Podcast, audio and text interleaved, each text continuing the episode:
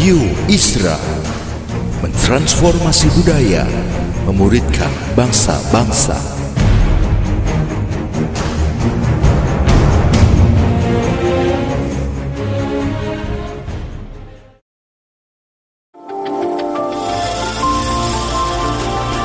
Voice of Pradaim menyuarakan paradigma kebenaran firman Tuhan yang esensi untuk memperlengkapi Anda menggenapi misi dan panggilan ilahi. Selamat mendengarkan.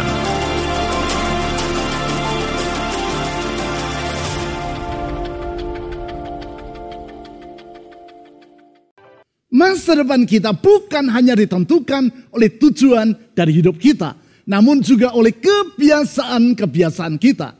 Memang memiliki tujuan hidup yang mulia adalah penting, namun tidak berarti bahwa tujuan tersebut dengan sendirinya akan menjadi kenyataan.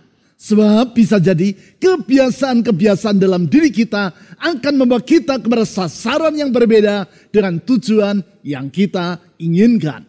Sebagai contoh, pada umumnya semua orang berharap untuk memiliki rumah tangga yang berbahagia. Acap kali dalam ibadah pemberkatan pernikahan, saya bertanya kepada pasangan yang dinikahkan, apa tujuan kalian dalam menikah? Selama ini belum pernah ada pasangan yang menjawab, supaya hidup kami tidak berbahagia. Tidak ada yang menjawab seperti itu. Mereka selalu menjawab, supaya kami berbahagia. Suatu tujuan yang tentu diinginkan oleh semua orang yang menikah. Hanya saja dalam kenyataan, tidak semua orang mengalami tujuan tersebut. Artinya, antara tujuan yang diinginkan dengan kenyataan yang dialami tidaklah selalu sama. Mengapa? Salah satu penyebab adalah kebiasaan-kebiasaan atau habits dalam diri mereka. Kebiasaan tersebut dapat mengalihkan kehidupan mereka kepada keadaan yang berbeda dengan yang mereka inginkan. Hal seperti itulah yang saya alami di hari pertama saya melayani Tuhan sebagai seorang full timer 33 tahun yang silam. Saat itu saya masih tinggal di kota Surabaya. Pagi itu saya meninggalkan rumah, mengemudikan mobil dan pergi ke kantor gereja untuk bekerja di sana. Sekitar 20 menit kemudian saya tersadar bahwa ternyata saya bukan tiba di kantor gereja. Namun berada dekat pabrik tempat saya bekerja sebelum menjadi seorang full timer. Lokasi yang cukup jauh dari kantor gereja. Kalau kantor gereja berada di sisi barat, maka pabrik itu berada di sisi selatan kota. Memang selama bertahun-tahun saya telah bekerja di pabrik tersebut. Setiap pagi saya mengemudikan kendaraan ke sana. Sehingga perjalanan ke pabrik itu sudah menjadi bagian dari hidup saya sehari-hari. Untuk mengemudikan mobil ke sana, saya sudah tidak perlu lagi berpikir. Karena hal itu sudah menjadi kebiasaan saya. Kebiasaan yang mengakibatkan pagi itu saya tiba di tempat yang berbeda dengan tujuan dari perjalanan yang saya lakukan. Saya rasa banyak di antara saudara yang pernah mengalami hal yang serupa. Pengalaman yang menunjukkan betapa besarnya peranan dari kebiasaan dalam menentukan masa depan kita. Pentingnya kebiasaan ini juga dapat dilihat dari hasil penelitian yang dilakukan oleh Duke University, salah satu perguruan tinggi yang terkenal di Amerika Serikat. Dalam penelitian yang mereka lakukan pada tahun 2006, didapati bahwa 40% dari tindakan-tindakan yang dilakukan oleh orang dalam kehidupannya sehari-hari bukanlah karena keputusan yang mereka buat, tetapi karena kebiasaan mereka. Sebagai contoh, ketika saudara makan pagi, saudara tidak lagi berpikir tentang apa yang akan saudara lakukan. Saudara tidak akan berkata dalam hati, sekarang aku mengambil makanan ini dengan sendok. Lalu aku bawa sendok mendekat ke mulutku. Kemudian aku membuka mulutku dan menyuapkan makanan ke dalamnya. Selanjutnya aku mengunyah makanan itu sebanyak 20 kali. Dan sementara itu aku kembali menggerakkan tangan untuk menyendok makanan. Aku akan melakukan hal ini berulang-ulang sampai aku selesai makan pagi. Tidak, saudara tidak akan menikmati makan pagi dengan cara yang seperti itu. Tanpa berpikir ataupun membuat keputusan secara sadar. Tangan serta mulut saudara bergerak dengan sendirinya. Tahu-tahu makanan yang ada di piring saudara sudah habis. Semua itu berlangsung karena kebiasaan. Memang dari sejak membuka mata di pagi hari sampai beranjak tidur di malam hari, banyak hal dalam hidup ini yang berlangsung karena kebiasaan. Kebiasaan-kebiasaan yang membentuk irama kehidupan kita. Kaitan antara kebiasaan dengan irama kehidupan ini dapat dilihat melalui kebiasaan saudara sehari-hari. Bukankah sebagian kegiatan yang saudara lakukan pada hari ini merupakan pengulangan dari hal-hal yang saudara lakukan pada hari kemarin? Sebagai contoh, jadwal untuk bangun dari tidur. Sebagian besar dari saudara setiap pagi bangun dari tidur pada waktu yang tetap. Jarang di antara saudara yang setiap hari mengubah alarm yang saudara gunakan untuk membangunkan Anda. Bahkan sebagian dari saudara tidak menggunakan alarm. Sebab saudara sudah terbiasa untuk bangun dari tidur pada jam yang sama. Sebagai akibat, alarm alamiah dalam tubuh saudara secara otomatis membangunkan diri Anda pada waktu yang tetap tersebut. Demikian juga apakah saudara akan mandi terlebih dulu dan baru kemudian sarapan pagi? Atau sebaliknya, makan pagi terlebih dulu dan baru kemudian mandi? Hal itu pada umumnya sudah terjadwal secara tetap. Begitu pula, apakah di pagi hari saudara akan berolahraga atau tidak? Hal itu juga sudah terjadwal secara rutin. Bahkan, apakah begitu bangun dari tidur, saudara akan terlebih dulu berdoa atau langsung memeriksa handphone dan membaca pesan yang masuk ketika saudara tidur? Dari hari ke hari, hal tersebut akan berlangsung tanpa perubahan. Begitulah sebagian dari kegiatan saudara di sepanjang hari sampai malam menjelang tidur akan bersifat rutin. Termasuk Apakah sebelum tidur saudara akan terlebih dulu menggosok gigi, mencuci kaki, dan kemudian berdoa terlebih dulu? Atau langsung bablas tidur? Semua itu merupakan kebiasaan sehari-hari. Kebiasaan yang membentuk irama kehidupan Anda. Berarti irama kehidupan yang serasi sesungguhnya tidak terlepas dari kebiasaan-kebiasaan yang sehat. Sebaliknya, irama kehidupan yang kacau merupakan cerminan dari kebiasaan-kebiasaan yang tidak sehat. Oleh karena itu, apabila melalui ibadah di dalam dua minggu yang lewat, yaitu ibadah dengan tema harapan bagi jiwa yang lelah dan menata dunia pribadi Anda, kita telah belajar bahwasanya kehidupan yang bugar adalah kehidupan yang berlangsung dengan irama yang serasi, maka berarti dengan demikian kita harus membangun kebiasaan yang sehat dalam kehidupan sehari-hari. Kebiasaan yang sehat dan yang membentuk irama kehidupan yang serasi seperti itulah yang dapat kita lihat dalam diri seorang yang bernama Daniel. Kehidupan yang bersangkutan ditulis dalam kitab yang menyandang namanya, yaitu Kitab Daniel di dalam Perjanjian Lama. Mari kita lihat apa yang ditulis tentang Daniel ini di dalam Daniel pasal 6 ayat 1 sampai 6 dan kemudian kita akan lanjutkan dengan membaca ayat 11. Daniel pasal 6 ayat 1 sampai 6. Darius orang Media menerima pemerintahan ketika ia berumur 62 tahun. Lalu berkenanlah Darius mengangkat 120 wakil-wakil raja atas seluruh kerajaannya. Mereka akan ditempatkan di seluruh kerajaan. Wakil-wakil raja ini sama seperti para gubernur. Membawa mereka diangkat pula tiga pejabat tinggi. Tiga orang menteri. Dan Daniel adalah salah satu dari ketiga orang itu. Kepada mereka lah para wakil-wakil raja harus memberi pertanggungan jawab supaya raja jangan dirugikan. Ayat 4. Maka Daniel ini melebihi para pejabat tinggi dan para wakil raja itu. Alasannya karena ia mempunyai roh yang luar biasa. Dan raja bermaksud untuk menempatkannya, menempatkan Daniel atas seluruh kerajaannya. Maksudnya Darius bermaksud mengangkat Daniel menjadi orang nomor dua di dalam kerajaannya. Ayat 5. Kemudian para pejabat tinggi dan wakil raja itu mencari alasan dakwaan terhadap Daniel dalam hal pemerintahan. Tetapi mereka tidak mendapat alasan apa pun atau sesuatu kesalahan. Sebab ia, yaitu Daniel, setia dan tidak ada didapati sesuatu kelalaian atau sesuatu kesalahan padanya.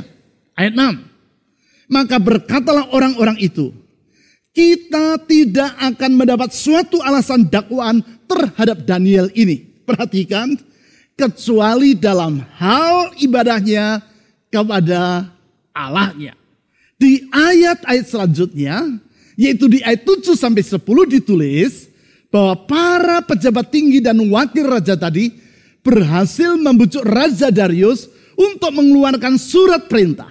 Yaitu bahwa semua orang di wilayah kerajaannya, yaitu media Persia, dilarang untuk berdoa kepada siapa pun juga, kecuali kepada Raja Darius. Larangan yang berjangka waktu selama 30 hari. Dan mereka yang melanggar larangan itu akan dibuang ke dalam gua singa. Tentu saudara sangat mengenal kisah tersebut. Selanjutnya di ayat 11 ditulis seperti berikut. Demi didengar Daniel, surat perintah itu telah dibuat.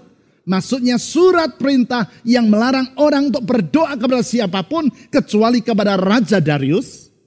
Pergilah ia, pergilah Daniel ke rumahnya. Dalam kamar atasnya ada tingkap-tingkap yang terbuka ke arah Yerusalem. Tiga kali sehari ia berlutut, berdoa, serta memuji Allahnya. Perhatikan, seperti yang biasa dilakukannya. Perhatikan frasa di bagian akhir dari ayat 11 ini, yaitu yang berbunyi seperti yang biasa dilakukannya. Seperti yang biasa dilakukan oleh Daniel.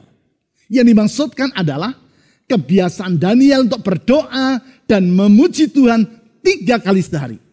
Kebiasaan yang nampaknya sederhana saja. Namun kebiasaan ini sedemikian menyoloknya, sehingga di ayat 6, para pejabat tinggi dan wakil raja tadi berkata, kita tidak akan mendapat suatu alasan dakwaan terhadap Daniel ini. Kecuali dalam hal ibadahnya kepada Allahnya. Itulah kebiasaan yang membedakan antara Daniel dengan orang-orang lain yang hidup sejaman dengan dirinya di media Persia. Bahwasanya para pejabat tinggi dan wakil raja merasa iri terhadap Daniel, yaitu karena Raja Darius bermaksud untuk menempatkan Daniel sebagai orang nomor dua atas seluruh kerajaannya, menunjukkan bahwa sesungguhnya mereka menginginkan kedudukan tersebut. Tetapi seperti yang telah saya utarakan tadi, antara keinginan dengan kenyataan tidaklah selalu sama. Mereka menginginkan kedudukan tersebut, tetapi tidak memperolehnya. Mengapa demikian? Karena perbedaan antara kebiasaan mereka dengan kebiasaan Daniel. Hal ini sama seperti bahwasanya semua peserta ujian tentu berharap bahwa mereka akan lulus tes. Namun acap kali dalam kenyataan tidak semua keinginan tersebut terwujud. Ada yang lulus, ada yang tidak. Apakah yang menjadi penyebab? Antara lain yaitu perbedaan dari kebiasaan mereka. Mereka yang biasa belajar dengan rajin, kemungkinan besar akan lulus. Sedangkan mereka yang biasa belajar dengan gaya SKS atau sistem kebut semalam, kemungkinan tidak akan lulus. Keinginan boleh sama, namun kebiasaanlah yang akan menentukan apakah keinginan tersebut akan menjadi kenyataan atau tidak. Kebiasaan Daniel yang nampak sederhana tadilah yang membuat Daniel di ayat 4 disebut sebagai pribadi yang memiliki roh yang luar biasa. Roh yang luar biasa. Yang menjadi alasan bagi Raja Darius dalam bermaksud untuk mengangkat Daniel menjadi orang nomor dua di dalam kerajaannya. Apakah yang dimaksud dengan roh yang luar biasa ini? Inilah maksudnya. Yaitu sikap hidup yang tidak biasa-biasa. Sikap hidup yang berbeda dengan sikap dari kebanyakan orang. Itulah kebiasaan dan irama hidup yang sehat. Sehingga membuat Daniel berbeda dengan orang-orang yang lain. Dari ayat-ayat yang telah kita baca tersebut, kita dapat menarik kesimpulan tentang tiga hal yang perlu kita lakukan bila kita ingin membangun kebiasaan yang sehat. Kebiasaan sehat yang menjadikan hidup kita tidak sia-sia, namun berdampak luas walaupun di tengah masa yang sukar. Itulah yang dialami oleh Daniel. Walaupun ia hidup sebagai orang pendatang di negeri Babel, bahkan sebagai bangsa tawanan di tempat pembuangan, dan hidup sebagai kelompok minoritas di tengah-tengah masyarakat mayoritas yang menyembah berhala, ia dapat mencapai kedudukan sebagai orang nomor dua di negeri yang sangat luas tersebut. Ketiga langkah itu adalah yang pertama, yaitu tentukan identitas dari pribadi yang menjadi tujuan hidup Anda. Saya ulang, yang pertama, tentukan identitas dari pribadi yang menjadi tujuan hidup Anda. Sebagaimana yang berulang-ulang telah saya utarakan. Hidup ini harus memiliki tujuan. Apabila kita tidak memiliki tujuan yang jelas, maka hidup kita akan bagaikan sebuah mobil yang dikemudikan oleh sopir yang tidak mengetahui tujuan dari perjalanan yang ia lakukan. Alhasil, mobil itu hanya akan berputar-putar tanpa arah dan menghabiskan waktu, tenaga, dan biaya. Demikianlah bila kita hidup tanpa tujuan yang jelas maka kehidupan kita pun akan berakhir dalam kesia-siaan. Dalam hal membangun kebiasaan yang sehat, Anda perlu memiliki sasaran dalam bentuk identitas dari pribadi yang menjadi tujuan hidup Anda. Artinya, saudara ingin menjadi siapa? Who do you want to become? Karena identitas dari pribadi yang menjadi tujuan hidup Anda akan menentukan kebiasaan-kebiasaan Anda. Hal tersebut diutarakan oleh James Clear dalam bukunya yang berjudul Atomic Habits. Di situ ia menulis bahwa yang harus menjadi tujuan kita bukanlah untuk melakukan sesuatu, namun untuk menjadi sesuatu. Hanya bila kita tahu kita ingin menjadi apa, maka kita pun akan mengetahui apa yang perlu menjadi kebiasaan kita. Sebagai contoh, tujuan kita bukanlah untuk berlari maraton, namun menjadi seorang pelari yang unggul. Alhasil, kita akan mengetahui bahwa untuk mencapai tujuan tersebut, maka kita harus membangun kebiasaan yaitu berlatih lari setiap hari. Contoh yang lain, tujuan kita bukanlah untuk belajar memainkan alat musik, namun menjadi seorang pemusik yang handal. Dengan demikian, maka kita akan mengetahui bahwa untuk mencapai tujuan tersebut, kita harus mengembangkan kebiasaan, yaitu berlatih musik setiap hari dengan tekun. Hal inilah yang ada pada diri Daniel. Di dalam Daniel pasal 1 ayat 8 ditulis bahwa ia ingin hidup sebagai pribadi yang menyukakan hati Tuhan. Itu sebabnya dicatat di sana bahwa Daniel berketetapan untuk tidak menajiskan dirinya dengan santapan raja dan dengan anggur yang biasa diminum raja. Karena Daniel tahu ia ingin menjadi siapa. Maka ia pun mengetahui apa yang harus ia lakukan dan kebiasaan apa yang harus ia kembangkan. Itu pula sebabnya seperti yang kita baca di dalam Daniel pasal 6 ayat 11 tadi. Ia memiliki kebiasaan untuk beribadah kepada Allah setiap hari. Kebiasaan yang tidak terlepas dari identitas dirinya.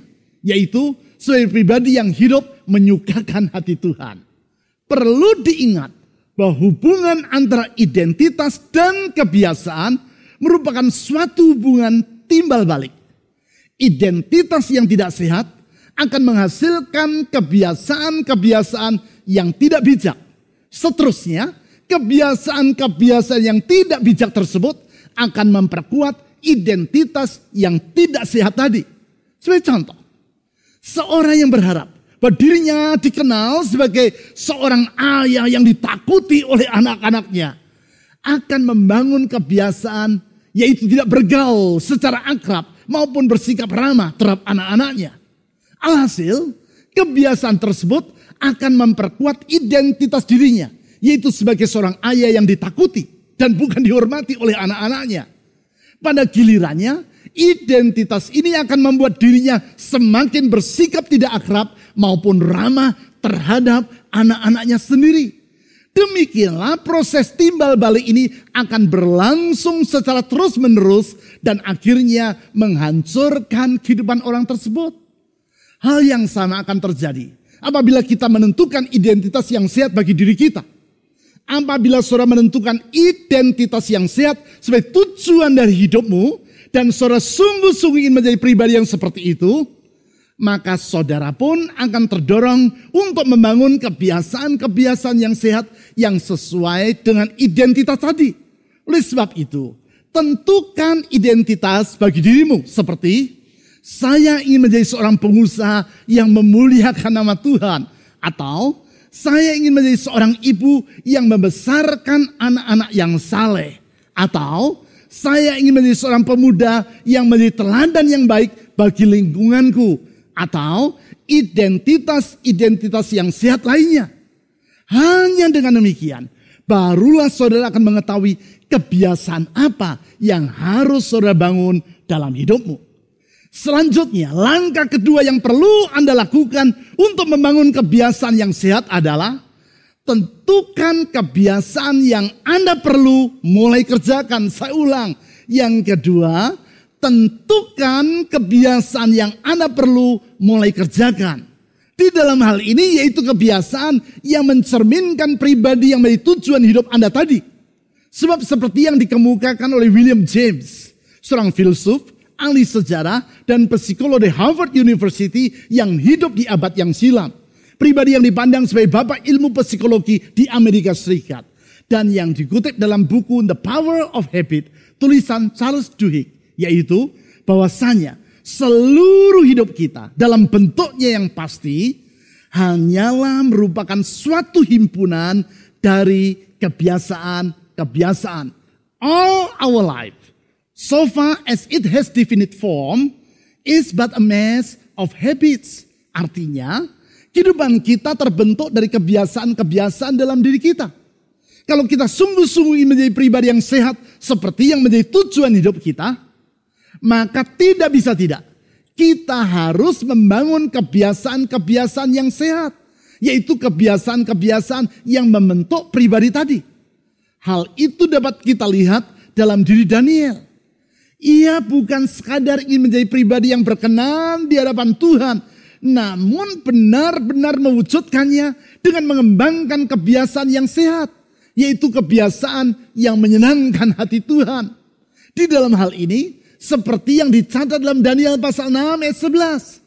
Ia membangun kebiasaan untuk beribadah kepada Allah dengan berdoa dan memuji Tuhan tiga kali sehari. Ia melakukan kebiasaan itu dengan disiplin serta dengan rela menanggung apa pun risikonya. Walaupun larangan Raja Darius untuk berdoa kepada siapa pun kecuali kepada sang raja hanya berlaku untuk 30 hari saja. Namun Daniel tidak mau mengkompromikan dirinya.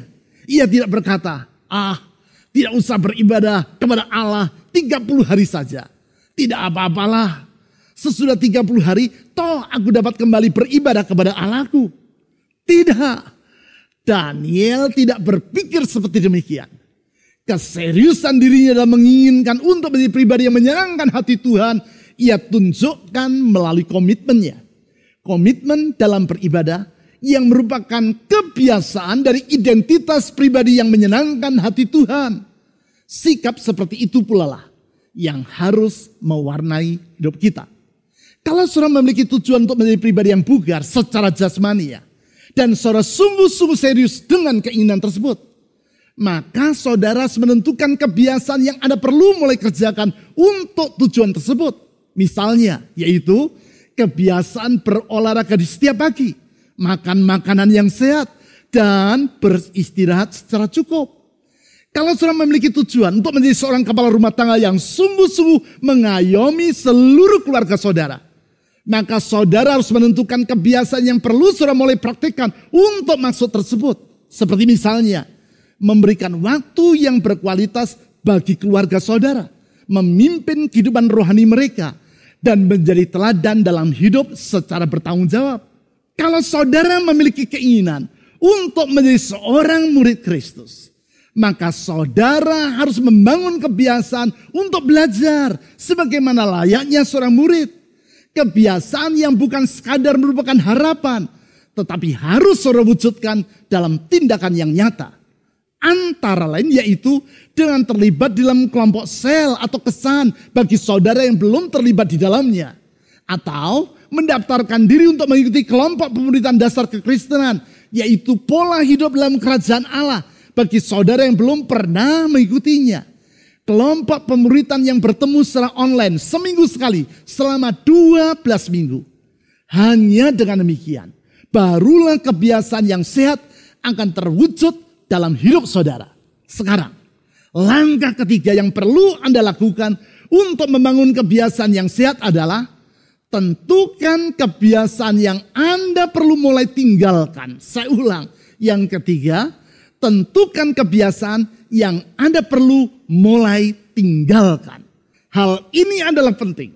Sebab pada dasarnya semua orang memiliki kebiasaan-kebiasaan yang baik dan yang tidak baik.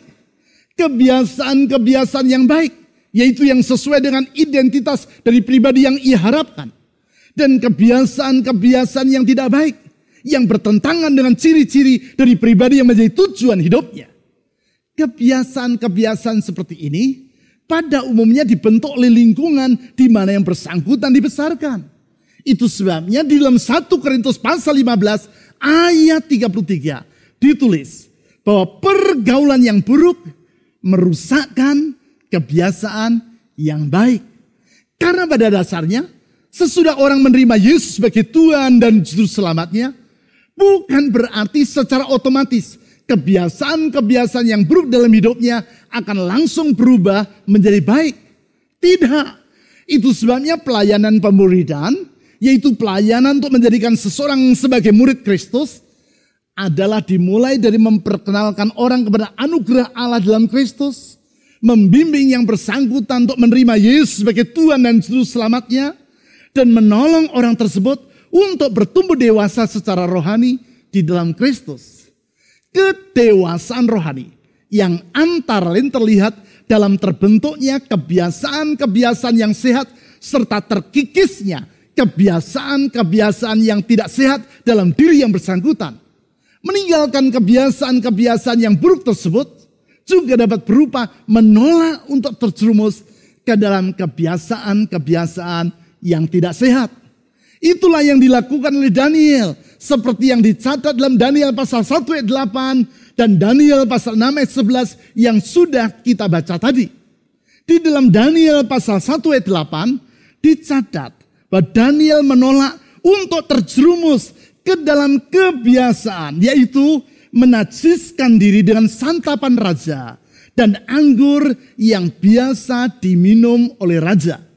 Sedangkan dalam Daniel pasal 6 ayat 11 ditulis bahwa Daniel menolak untuk terperosok ke dalam kebiasaan yaitu meninggalkan ibadah kepada Tuhan. Ibadah yang seperti selama ini biasa dilakukannya. Memang meninggalkan suatu kebiasaan bukan hal yang mudah. Sebab seperti yang ditulis oleh Leon Dumont, seorang psikolog di Prancis yang hidup di abad ke-19 dan yang dikutip dalam artikel pada Time Special Edition. The Power of Habits. Kebiasaan adalah bagaikan serat-serat benang dari baju yang dikenakan oleh seseorang. Dumont menulis, semua orang mengetahui bagaimana sebuah pakaian sesudah dikenakan untuk jangka waktu tertentu akan menyesuaikan diri dengan tubuh kita lebih daripada ketika pakaian itu masih baru. Dumong berkata bahwa hal yang samalah dengan kebiasaan kita. Kalau kebiasaan itu sudah melekat pada diri kita, kita akan merasa nyaman dengan hal itu. Oleh karenanya, untuk meninggalkan kebiasaan yang lama diperlukan komitmen yang tinggi. Komitmen seperti yang telah ditunjukkan oleh Daniel dalam menolak untuk terjerumus ke dalam kebiasaan-kebiasaan yang buruk. Komitmen seperti itu pula lah yang harus kita bangun dalam hidup kita. Sekarang, tentukanlah kebiasaan-kebiasaan apa yang harus Anda tinggalkan dari dalam hidup Anda. Kebiasaan-kebiasaan yang tidak sehat, yang bertolak belakang dengan identitas atau ciri-ciri dari pribadi yang menjadi tujuan hidup Anda tadi. Sebagai contoh, Anda memiliki tujuan untuk menjadi seorang ayah yang baik. Dan sekarang Anda menyadari bahwa selama ini Anda memiliki kebiasaan yang bertolak belakang dengan identitas tersebut. Seperti misalnya kebiasaan hidup secara tidak bertanggung jawab. Jangan menunda-nundanya lagi. Tinggalkan kebiasaan tersebut hari ini juga. Hanya dengan demikian, barulah Anda akan menjadi pribadi seperti yang Anda harapkan. Berarti, apabila saudara ingin hidup dalam kehidupan yang bugar, maka saudara perlu membangun kebiasaan-kebiasaan yang baik. Kebiasaan-kebiasaan yang membentuk irama kehidupan yang sehat. Ingat, untuk itu ada tiga langkah yang perlu saudara lakukan. Yang pertama, tentukan identitas dari pribadi yang menjadi tujuan hidup Anda. Yang kedua, tentukan kebiasaan yang Anda perlu mulai kerjakan. Yang ketiga, tentukan kebiasaan yang Anda perlu mulai tinggalkan. Dengan cara demikian, kehidupan Anda semakin hari akan semakin berubah menjadi lebih baik dan bugar. Di dalam semua ini, tidak ada tujuan yang lebih indah, melebihi tujuan untuk menjadi pribadi yang serupa dengan Kristus. Itulah tujuan kita dalam menjadi pengikutnya.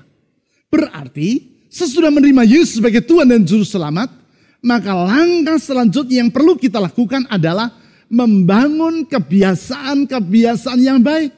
Yaitu yang sesuai dengan sifat-sifat dari Kristus. Kebiasaan-kebiasaan yang baik. Yaitu termasuk di dalamnya tujuh disiplin rohani yang telah kita pelajari di sepanjang dua bulan yang lampau. Ketujuh disiplin rohani tersebut adalah yang pertama, yaitu waktu hening atau silence and solitude. Yang kedua, yaitu merenungkan firman Tuhan. Perenungan yang kita lakukan melalui empat R, yaitu read, reflect, respond, dan rest. Yang ketiga, yaitu doa yang membangun keakraban dengan Tuhan. Yang keempat, yaitu melakukan ibadah harian. Yang kelima, yaitu melakukan puasa secara berkala dan teratur. Yang keenam, yaitu melakukan sabat secara reguler. Dan yang ketujuh, yaitu terlibat dalam komunitas rohani. Berdasarkan ketujuh disiplin rohani tersebut, kita membangun irama kehidupan yang bugar irama kehidupan yang memungkinkan kita hidup bagaikan Daniel, yaitu kehidupan yang tidak sia-sia, namun yang membawa pengaruh positif di sepanjang kehidupannya. Walaupun ia hidup di tengah masa yang sulit, pengaruh positif itu tidak menjadi surut. Raja berganti raja. Namun Daniel tetap menjadi orang yang berpengaruh dalam kerajaan Babel dan media Persia. Itulah kehidupan yang di dalam Mazmur pasal 1 digambarkan seperti pohon yang ditanam di tepi aliran air.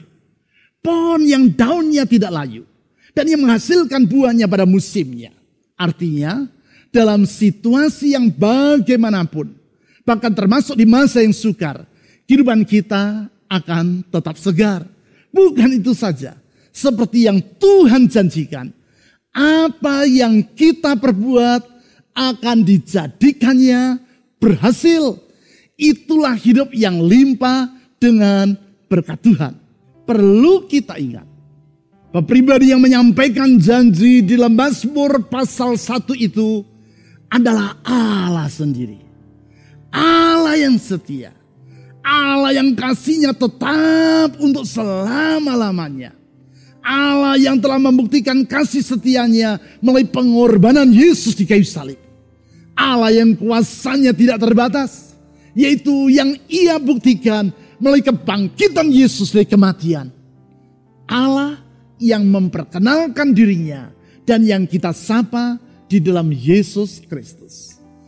Allah yang memberi jaminan bagi hari esok kita dan yang menolong kita untuk hidup melakukan kehendaknya. Singkat kata, dalam Tuhan Yesus kita memiliki masa depan yang tidak akan mengecewakan. Mari kita berdoa. Tuhan Yesus, Sekali lagi kami bersyukur untuk anugerahmu yang sangat besar itu. Anugerah yang kau tunjukkan melalui pengorbananmu sampai mati di kayu salib. Dan kami bersyukur karena kasih setiamu tetap untuk selama-lamanya. Dan kuasamu tidak pernah berubah.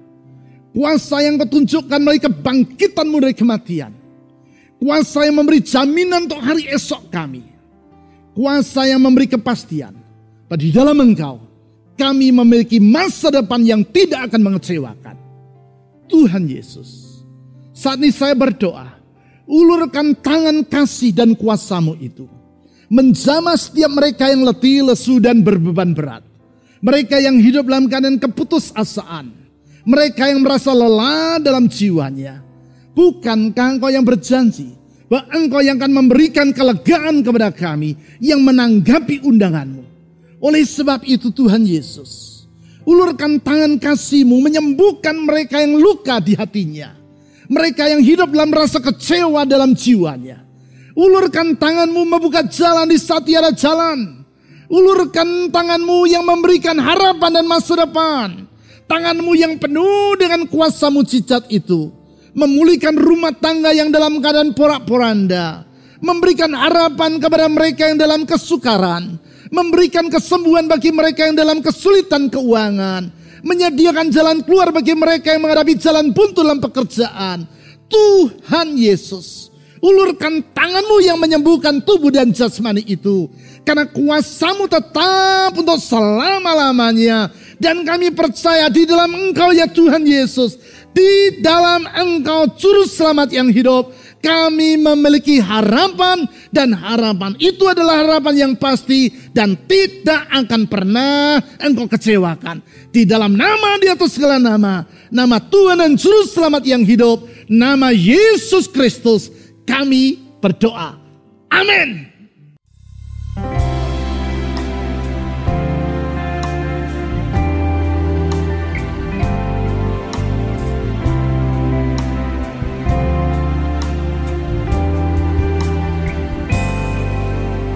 Tuhan kau gembala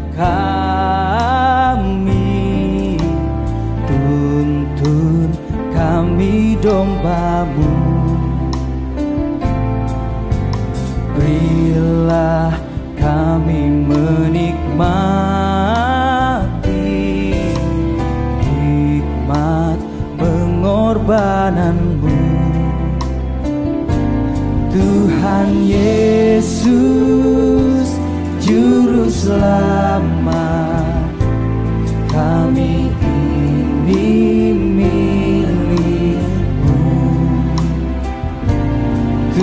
Tuhan Yesus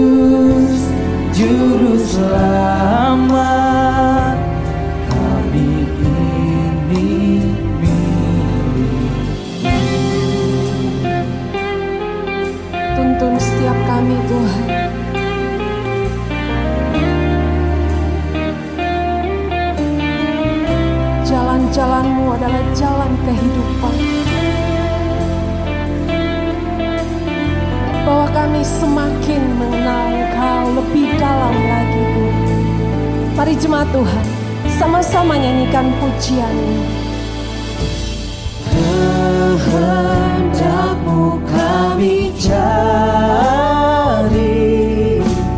ingin turut maksudmu Isi hati kami Tuhan. Tuhan isi hati kami